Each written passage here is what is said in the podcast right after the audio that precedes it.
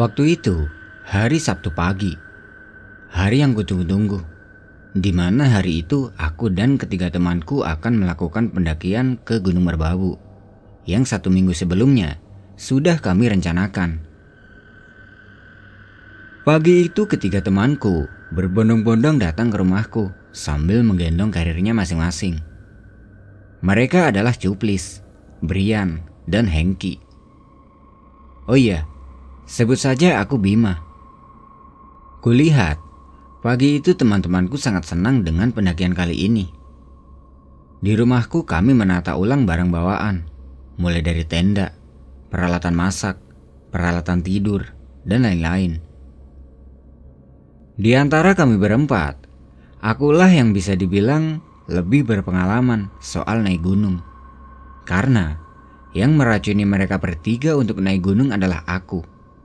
Hingga sekarang mereka kecanduan dengan kegiatan mendaki. Ini adalah pendakian pertama teman-temanku ke Gunung Merbabu.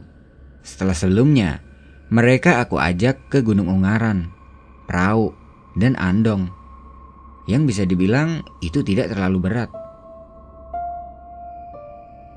Setelah semua barang bawaan sudah terbagi dan tertata rapi, kami langsung gas menuju ke basecamp pendakian Gunung Merbabu via Wekas.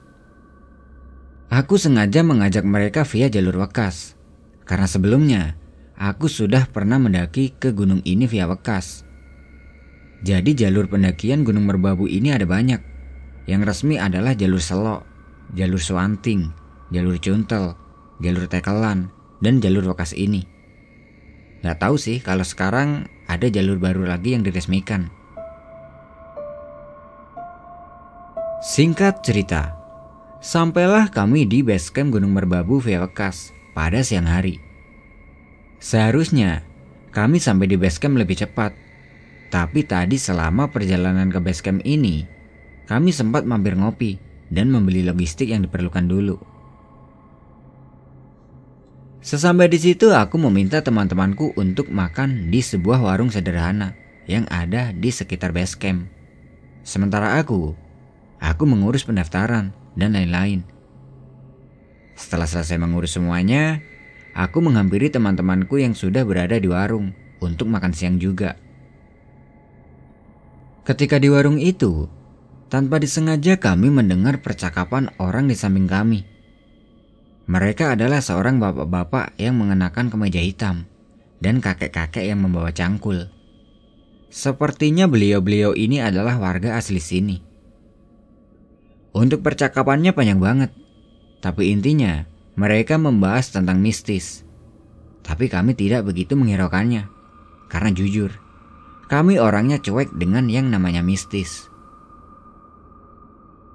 Setelah cukup lama bercakap-cakap, kakek yang membawa cangkul itu pamit pada kami semua dan penghuni warung untuk pergi. Setelah beliau pergi, bapak-bapak yang berkemeja hitam itu melihat ke arah kami dan bilang menggunakan bahasa Jawa. Harap muncak ya? Aku pun menjawab. Injih pak. Mau papat iki? Injih. Bapak itu kemudian menyeruput kopi terakhirnya. Setelah menyeruput kopi, beliau memegang pundakku sambil bilang, Sing ngati-ngati, mengko bengi bulane sengit, dongae sing kerep. Ucap beliau kemudian beranjak pergi meninggalkan warung. Mendengar itu, kami berempat saling memandang, mencari tahu maksud perkataan bapak-bapak tadi. Sengit kenapa emangnya? Tanya Cuplis kepadaku. Ah udah gak apa-apa. Itu mah urusan warga sini bukan urusan kita. Setelah selesai makan, kami pun segera menggendong tas masing-masing. Lalu bergegas memulai perjalanan agar tidak terlalu malam nantinya. Soalnya, saya ingatku dulu pas aku mendaki via Wakas ini, estimasinya kurang lebih 7-8 jam mulai berjalan. Di awal-awal perjalanan, tepatnya ketika kami melewati ladang warga, kami melihat ada kakek-kakek yang bersama kami di warung tadi kakek itu terlihat sedang mencangkul di ladang, tepat di sebelah kanan jalan.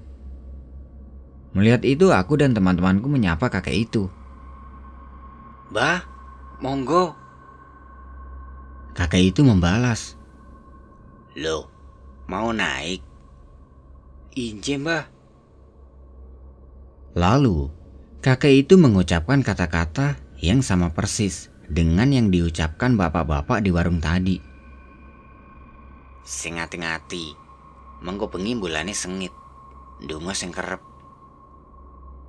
Nah, sengit ini artinya tajam. Jadi mungkin yang dimaksud kakek itu malam ini bulannya tajam.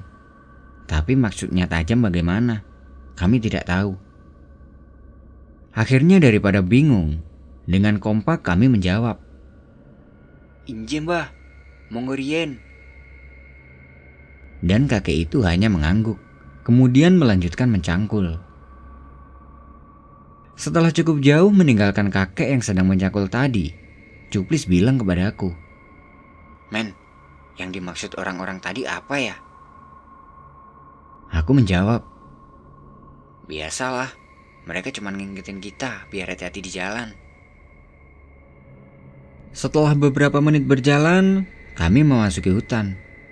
Sambil berjalan, kami saling bercanda untuk menikmati perjalanan. Tapi tidak dengan aku. Tidak tahu kenapa, tiba-tiba aku merasa cemas. Aku teringat perkataan yang diucapkan kakek di kebun barusan. Padahal, sebelumnya aku fan-fan aja. Tapi pas udah masuk hutan, tiba-tiba aku mempunyai firasat kalau akan terjadi sesuatu. Aku pun mencoba membuang rasa cemasku itu dan sesekali ikut bercanda dengan teman-temanku. Kurang lebih 1,5 jam perjalanan, sampailah kami di pos 1 Telaga Arum. Kami sampai di situ sekitar jam 3 sore. Karena mulai capek, kami break dulu di situ sambil makan-makan cemilan dan mengisi botol air minum di pancuran pipa kecil. Setelah kurang lebih 30 menit istirahat, aku mengajak yang lain untuk melanjutkan perjalanan agar bisa segera sampai di pos 2 sebelum hari gelap.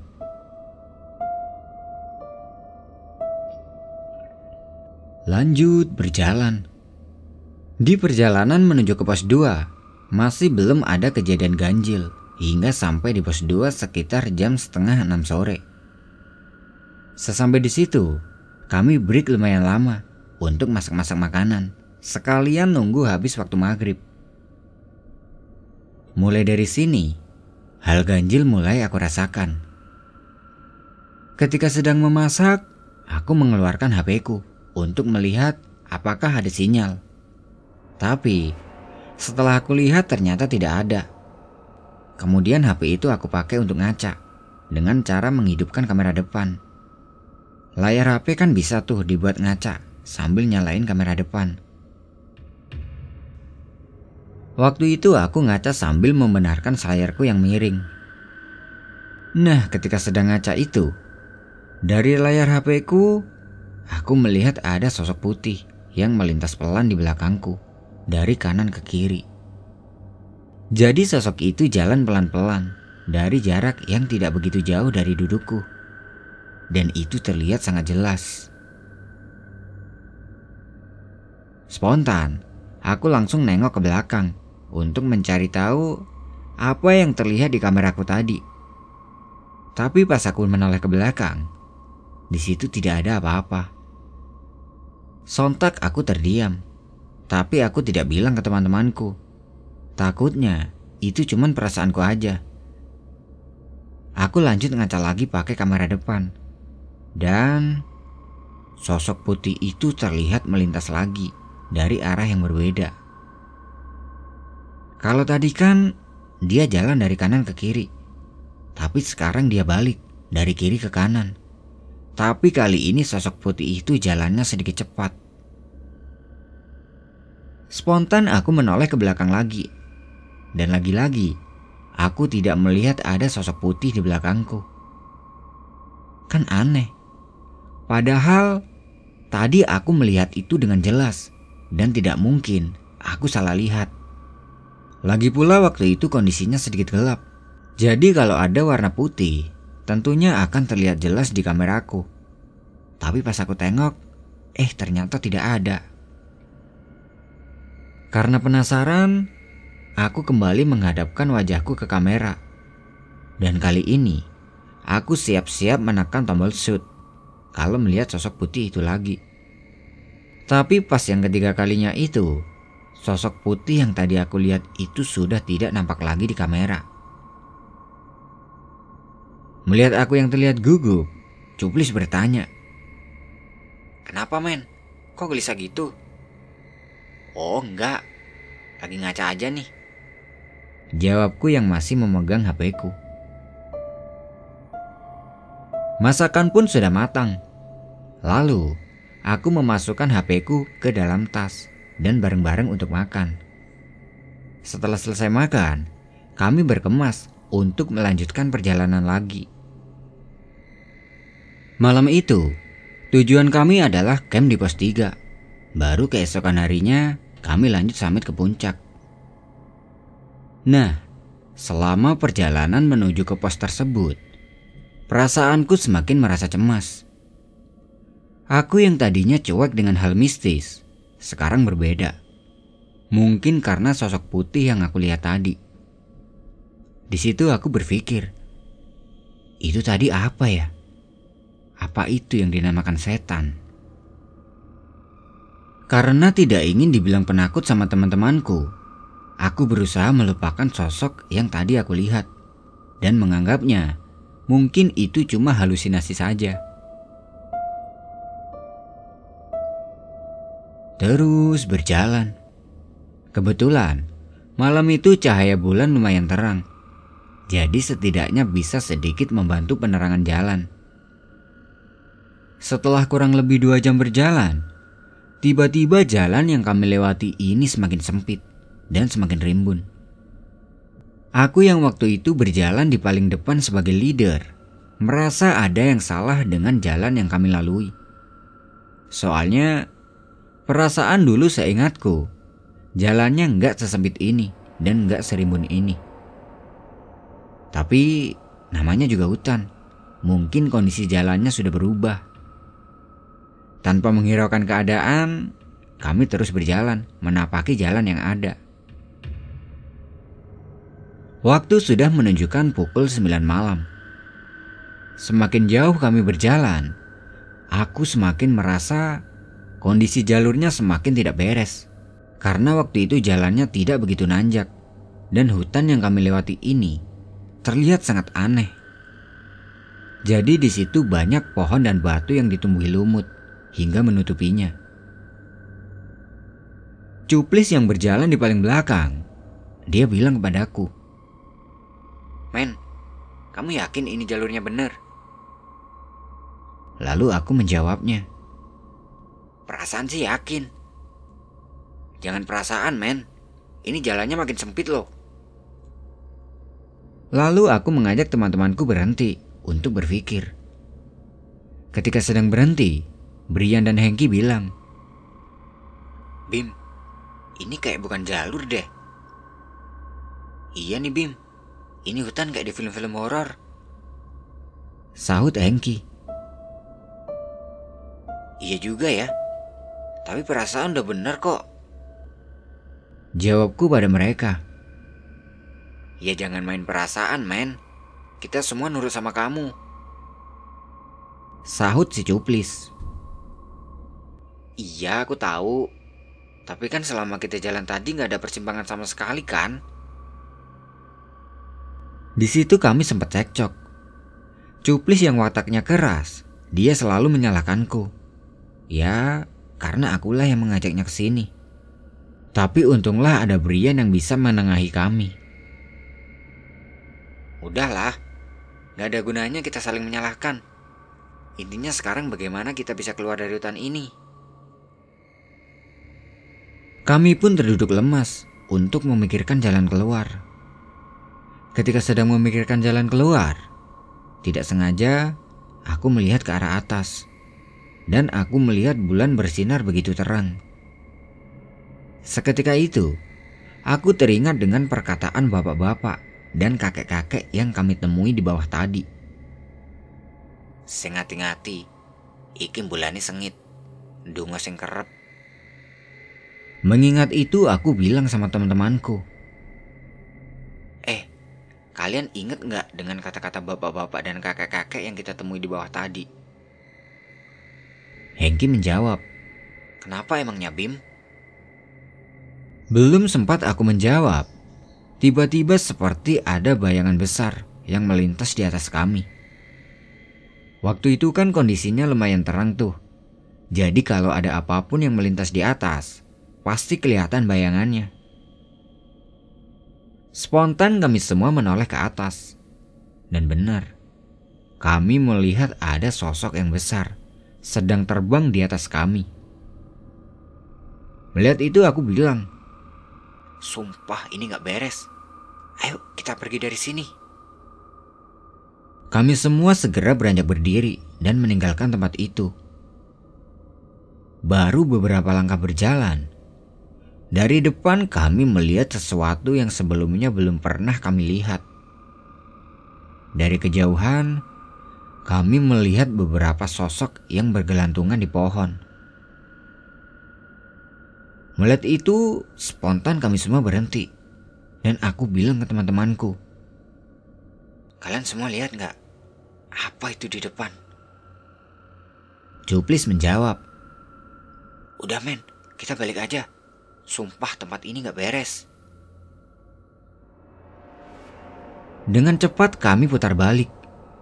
Setelah putar balik, tepat di sebelah kananku, aku melihat ada sosok hitam yang sedang berdiri dan menatap ke arah kami.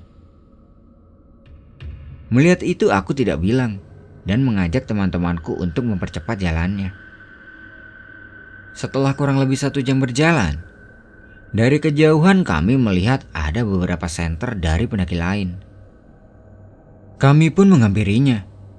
Setelah bertemu dengan rombongan pendaki itu, aku bilang pada pendaki yang jalan di paling depan. Mas, mau naik?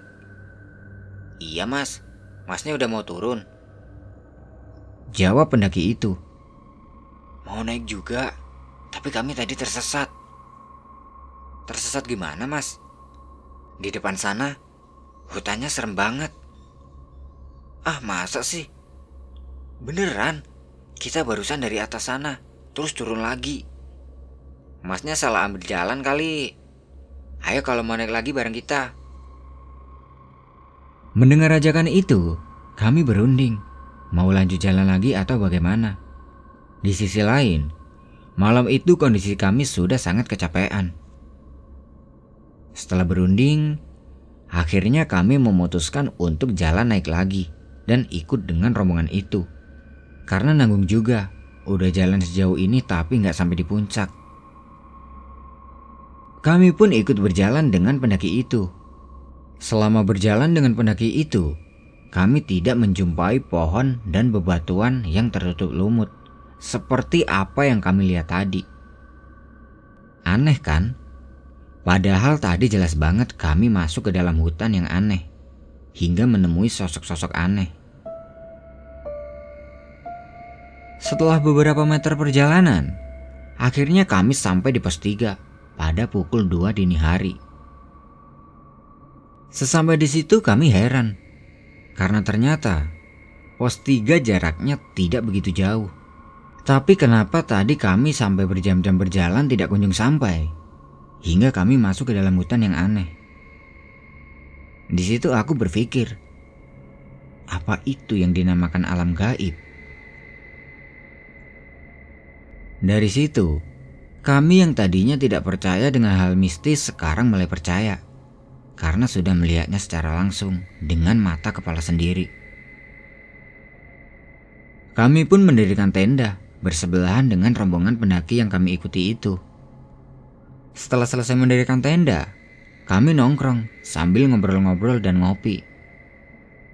Di situ, aku menceritakan kejadian yang kami alami tadi pada salah satu pendaki itu, termasuk sosok putih yang terlihat di HP-ku ketika berada di pos 2 tadi. Nama pendaki itu adalah Mas Akbar. Dia orangnya brewok dan rambutnya panjang sebahu. Mendengar ceritaku, Mas Akbar bilang, Kalian masih beruntung. Lalu aku bertanya, Beruntung bagaimana, Mas? Sepertinya Mas Akbar ini tahu banyak tentang hal gaib.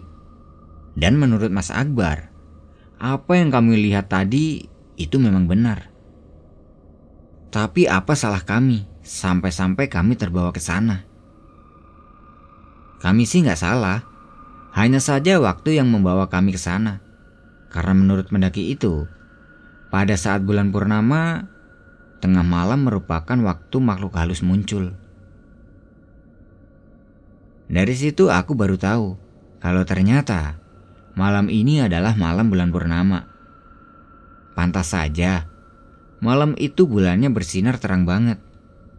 Dan di sini, aku tahu apa yang dimaksud bapak-bapak dan kakek-kakek di bawah tadi. Karena malam semakin larut, malam itu kami semua istirahat.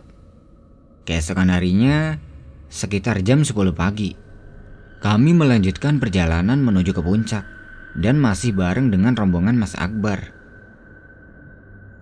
Sekitar jam 12 siang, sampailah kami di puncak tertinggi Merbabu, yaitu puncak Keteng Songo. Sesampai di situ, teman-temanku terlihat senang banget karena ini adalah gunung tertinggi yang pernah mereka daki. Setelah puas berfoto-foto di puncak, kami pun kembali turun dan masih bareng dengan rombongan Mas Akbar. Di perjalanan turun, aku mengingat-ingat hutan yang semalam kulihat. Siapa tahu, siang itu aku bisa melihatnya lagi. Tapi hingga sampai di base camp, aku tidak menemui hutan semalam. Sesampai di base camp itu kami berterima kasih pada Mas Akbar dan rombongannya karena sudah bersedia bareng. Setelah itu, kami semua pisah untuk pulang ke rumah masing-masing.